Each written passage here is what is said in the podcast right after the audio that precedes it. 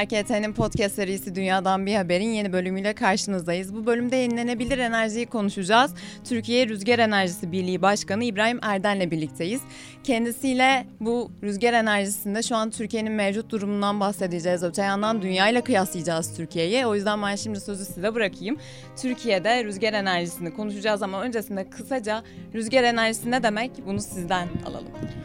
E, merhabalar öncelikle teşekkür ediyorum beni davet ettiğiniz için. Rüzgar enerjisi aslında 1970'lerde dünyadaki petrol krizi sırasında özellikle Avrupalılar ve Danimarka'nın önderliğinde teknolojisi aslında e, ticarileştirilmiş bir e, faaliyet alanı, bir yatırım alanı.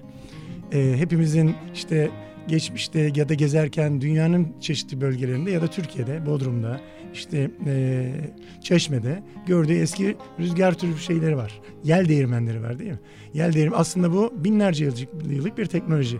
Rüzgarın gücünü aslında harekete çevirip orada buğday öğütmek, un yapmak ya da başka amaçlarla e, kullanılıyor. Su bazen su çıkarmak için kullanılıyorken e, 70'lerin başında e, petrol krizi olduğunda e, petrolü olmayan ülkeler özellikle işte Avrupa Birliği e, o sırada Avrupa Ekonomik İşbirliği Örgütü oluyor galiba. E, ve on, or, onun özelinde de Danimarka'nın e, teknoloji alanındaki önderliğinde gelişmiş bir e, enerji üretim teknolojisi. E, daha sonra tabii e, bunda ısrarcı olunup daha fazla rüzgar enerjisinden faydalanmak, bunu enerji üretiminde kullanmak üzerine teknoloji geliştirme yatırımlar yapılmış. E, bir e, bir alan. Şu anda e, ülkemizde geldiği durum şu. E, ülkemizin 101 bin e, megawattlık bir kurulu gücü var. 101 bin megawattın 11 bin megawatttan fazlası rüzgar enerjisi e, santrallerinden oluşuyor. Takriben işte %11 diyelim kurulu güçte. Üretimde de 9,5 %9,5 %10 oranında tükettiğimiz elektriğin e, e, oranı yani %9,5-10 miktar seviyesinde rüzgar enerjisinden sağlanıyor. Ee, burada araya gireceğim. Şimdi dinleyicilerimiz açısından da böyle kafalarında yer edinsin diye sormak istiyorum bunu. Normalde dünyada ortalama nedir peki rüzgar kurulunda gücünde? Şöyle dünyadaki oran da biraz daha düşük tabii belli bölgeler e, bu kadar yoğun e, rüzgar yatırımı almadı. Dünyada e, takriben 850 gigawatt geçen yılın sonu itibariyle yani Türkiye'nin kurulu gücü 101 bin megawatt dedik 101 gigawatt eder. Dünyadaki toplam kurulu güç Türkiye'nin toplam rüzgar dahil bütün kurulu gücünün 9 katı diyebiliriz. 9-10 katı. Bunun çok büyük bir kısmı e, Çin Halk Cumhuriyeti, e, Amerika Birleşik Devletleri ve Avrupa Birliği içerisinde ama inanılmaz hızla yayılıyor. Bizim gibi gelişmekte olan ülkelerde sadece enerji üretmek için değil sanayi alanında da yayılıyor. Geçen sene mesela dünya ölçeğinde kurulum 84 gigawatt. Yani Türkiye'nin neredeyse toplam enerji alanındaki kurulu gücüne yakın sadece rüzgarda kurulum yapıldı. Bunun 23 gigawattı deniz üstü. Öyle söyleyelim yani 23 gigawatt da deniz üstünde yapıldı. Ee, gerçekten çok büyük bir yatırım alıyor. Ee, şöyle bir rakamsallaştırayım da finansal olarak söyleyeyim. Türkiye'nin kurulu gücü 101 bin megawatt yani 101 gigawatt. Bu aşağı yukarı 200 milyar dolar yatırım demek. Ee, rüzgar bunun içerisinde 11 bin megawatt dediğiniz şeyde 15 milyar dolar yatırım demek. Kapatasak. Dünya, dünya tabii çok hızlı ilerliyor. Biz de ona ayak uydurmaya çalışıyoruz güçlü bir rüzgar potansiyeli olan bir ülkeyiz.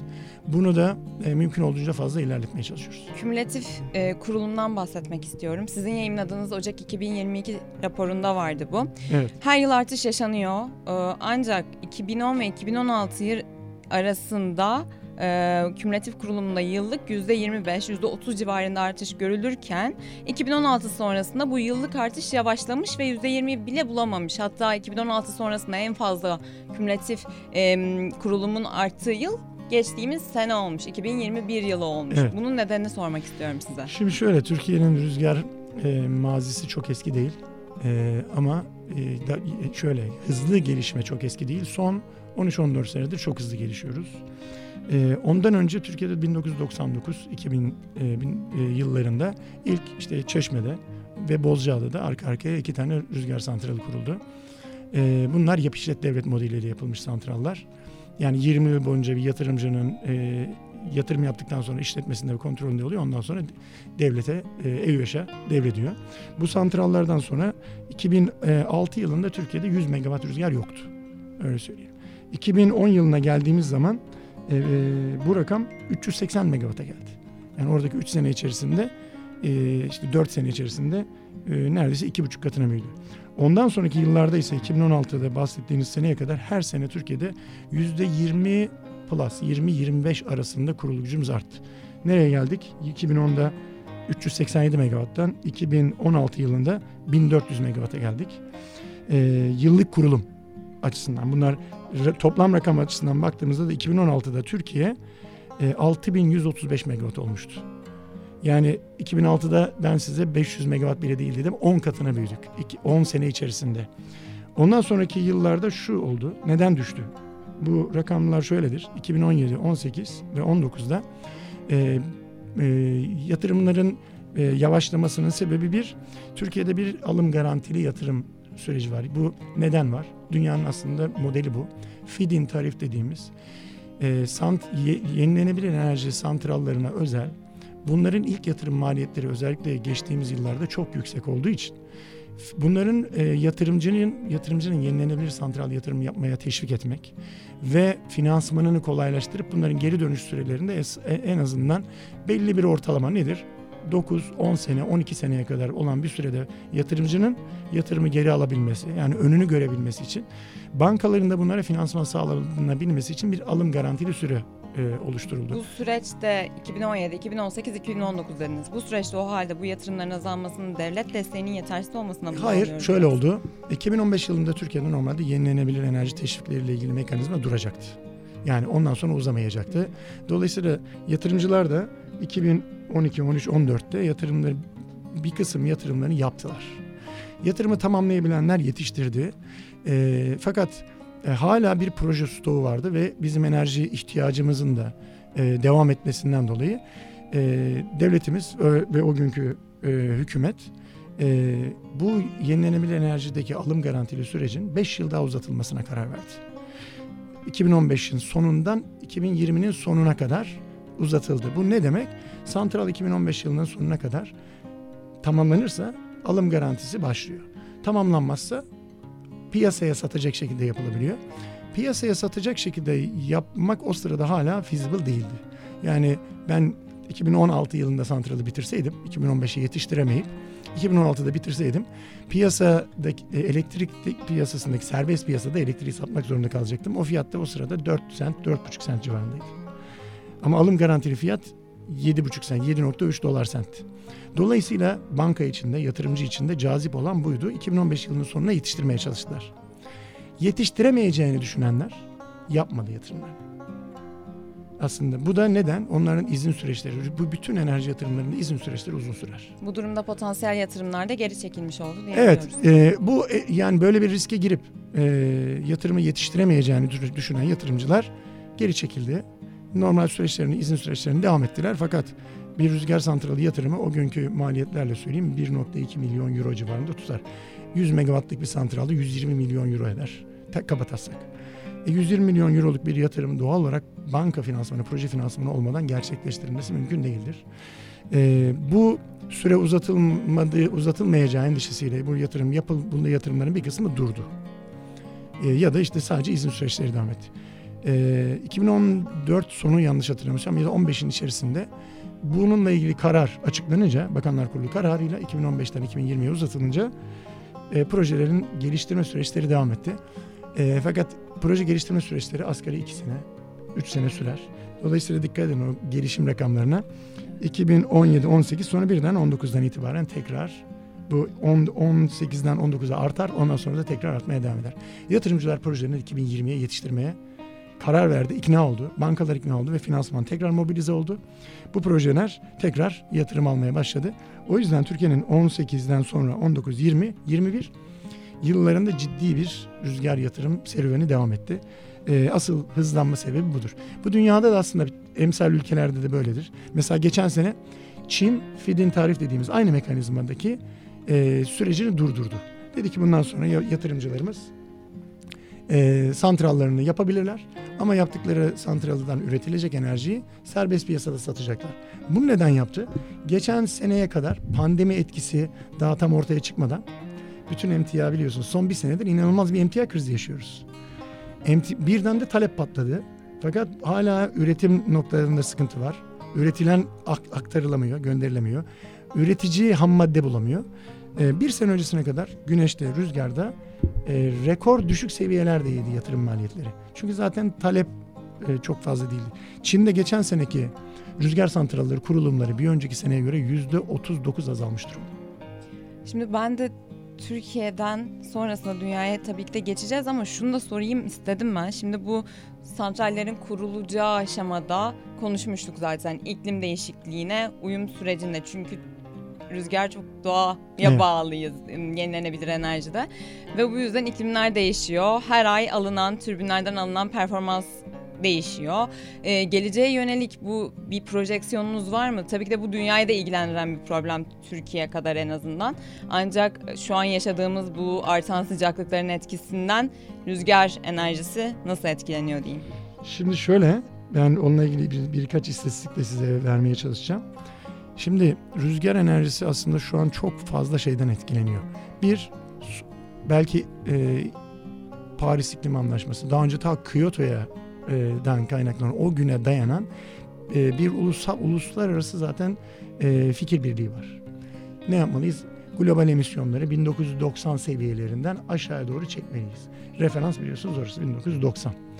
Ee, dolayısıyla bir aslında iklim değişikliği, iklim değişikliği ve şey ne diyelim e, emis şeyi e, ozon tabakasını işte denen ya da küresel ısınmayı arttıran gaz emisyonlarını azaltacak yatırımlar yapılması. Bu sadece enerji alanında değil. Otomotivde de var, sanayide de var. Tabii ki enerji yatırımlarında da var. Zaten en çok e, emisyon bunlardan geliyor. Enerji santralleri, sanayi tesisleri ve otomobiller yani sadece otomobil değil bütün lojistik e, araçları. Şimdi e, bu e, 2000, 1990'lardan ve 2000'deki Kyoto'dan beri işte Paris, Rio, Paris İklim Anlaşması şu anda 26.sı yapıldı diye hatırlıyorum. COP Evet. süreci bir uluslararası birlik oldu. İşte Donald Trump geldi Amerika Birleşik Devletleri'ni çekti. Sonra e, Joe Biden tekrar geri geldi. Dedi ki tekrar biz bunun e, paydaşı olacağız. Ve paydaş olduk. Şu anda uluslararası bir, bir birliktelik var. E, herkes elektrikli araçlara, sanayide daha az kömür kullanmaya, daha verimli doğalgaz ya da daha fazla yenilenebilir kullanmaya, enerji üretimi alanında da daha fazla yenilenebiliri enerji sistemine e, dahil etmeye, penetrasyonu arttırmaya çalışıyor. Şimdi bu çerçevede işte Uluslararası Enerji Ajansı, Uluslararası Yenilenebilir Enerji Ajansı, e, işte Global Wind Energy Council, güneşteki e, uluslararası örgütler çalışıyorlar. E, daha fazla yenilenebilir entegre etmeye çalışıyoruz. Rüzgarda aslında burada temel iki tane teknolojiden bir tanesi. Yani neden mesela hidroelektrik daha az, daha geride? Ya da neden işte biyogaz daha az? Diğer teknolojiler işte acaba e, dalga enerjisi daha fazla kullanılabilir mi? Gel git daha fazla kullanılabilir mi? Evet bunların hepsi jeotermal kullanılabilir. Fakat şu görülüyor. Global enerji portföyünde e, e, elektrik üretim teknolojilerine baktığınız zaman iki tane başat en önde giden teknoloji var. E, bunların potansiyelleri neredeyse limitsiz. Rüzgar ve güneş. Güneş biraz daha kul, belki kurulumu kolay. Çünkü apartmanların çatısına dahi kurabiliyoruz. Bir apartmanın çatısına rüzgar türbini kuramıyorsunuz. Ya da küçük türbinler kurabiliyorsunuz. Ama bu ikisi önde gidiyor. Bir de hidroelektrik ya da diğerleri şimdi jeotermalde limit var. Bir potansiyel limiti var. Hidroelektrikte işte kaynaklar kullanılıyor. Çevresel kaygılar gelebiliyor ama o da sınırlı sınırlı. Ama rüzgar ve güneş burada önde gidiyor. Rüzgarda e, yani bizim e, odağımız Türkiye'nin işte son 2006'dan bu yana 15-16 senedir gördüğü e, gelişim işte 150-160 megawatttan 11 bin megawata çıkmış. Neredeyse 70-80 kat büyümüş. E, globalde de var. Şimdi Türkiye'de konuştuğunuz ve söylediğiniz gibi Türkiye'ye bir potansiyel görüldü ve Türkiye'nin şu anki geleceğe yönelik yenilenebilir enerji yatırımlarında potansiyel ne diyeyim? Son olarak e, rüzgar enerjisini özellikle. Şöyle, e, Türkiye'nin e, bin- 2009 yılında yapılmış bir çalışmayla potansiyel, rüzgar potansiyeli 48 bin megawatt'dı. Deniz üstü yoktu bunun içerisinde. Çünkü o günkü teknoloji bunu çok feasible değildi. Türkiye'de, e, Türkiye'nin denizleri de buna çok müsait görünmüyordu. Bugün bizim yaptığımız çalışmalar, e, birliğimiz üyeleri ve biz bir yani bir, bir yandan da bir think tank gibi faaliyet gösteriyoruz. Şunu gösteriyor. 100 gigawattın yani 100 bin megawattın üzerinde Türkiye'nin karasal sadece rüzgar potansiyeli var. Yani 48 binden oraya geldi. İnşallah daha da artabilecek olduğunu düşünüyoruz ama bu çok büyük bir rakam. Türkiye'nin toplam kurulu gücü 101 bin megawatt demiştim. Evet. 100 bin megawatt ona eşit rüzgar konuşuyoruz. Bir de deniz üstü konuşuyoruz. Deniz üstünde de 15 ila 20 bin megawatt bir potansiyel öngörüyoruz. Ben bunun önümüzdeki yıllarda yine de devam edecek teknolojik gelişmelerle 150 bin megawatt'a kadar gideceğini düşünüyorum. Neden söylüyorsunuz bunu diyebilirsiniz. Bugün bir rüzgar türbünü ortalama boyutu 5 ila 6 megawatt. Bu 2009 yılında biz ilk yatırımımızı yaparken 2 megawatt civarındaydı. Yani burada bile 2,5 katına büyümüş. 10 megawattlara kadar çıkmasını öngörüyoruz. Deniz üstünde 15 megawattlar öngörülüyor. Bizim öngördüğümüz 2030 ta- zaman aralığı için. 30'dan sonrasını ben bilmiyorum. Çünkü malzemede değişiklikler gerekecek. Yani material science orada artık giriyor. Tabii devreye. yani şimdi bu emtiadan bahsederken oradaki Evet. üretim, ham madde sıkıntıları Tabii belki daha önemli. ucuz, daha esnek, daha kolay bulunur ham maddeler kullanılmaya başlayacak. Ya da işte çelik kullanıyoruz. Onun yerine başka şeyler biraz daha kompozitler giriyor ve çünkü ma- malzeme bilimi de gelişiyor. Ee, burada bu çok büyük bir ton potansiyel var. %20'sini kullanılmışız gibi görünürken yani 48'de 11 şu an %10'una düştü aslına bakarsanız. Belki %7-8'miş gibi olacak. Türkiye bu potansiyelini her zaman çok daha fazlasını kullanacak. Bu yönde biz ülkemizde faaliyet gösteren birkaç farklı think tank'le de beraber çalışıyoruz. Biri şunu yapıyoruz. Türkiye'nin şebekesi ne kadar rüzgara, güneşi kaldırır? İkincisi e, yatırımcıların ilgisiyle, finansman ilgisiyle acaba biz bu potansiyelin ne kadarını kullanabiliriz? Burada şunu söyleyebilirim. 2030'da Türkiye'de e, bu 100 gigawattın benim öngörüm ve bizim birliğimizin bu resmi değil şu an çalışıldığı için sadece böyle bir ön bilgi diye söyleyeyim. 30 gigawattı kullanabileceğini düşünüyoruz. E, 2053 yılında biliyorsunuz Cumhurbaşkanımız da açıkladı. Bir Türkiye karbon nötr bir ülke olmayı hedefini koydu. 2030 yılında da Türkiye'de şey 2050 yılında da e, 70 ila 100 gigawatt arasında bir kurulum olacağını düşünüyoruz. O günkü toplam tüketim içerisinden baktığınızda bugünkü %10'lar o gün %30'ları geçecek. Benim inancım bu. Bugün Türkiye Rüzgar Enerjisi Birliği Başkanı İbrahim Erden'le birlikteydik. Rüzgara dair pek çok konuya değindik. Umarım severek dinlemişsinizdir. Gelecek hafta görüşünceye dek hoşçakalın.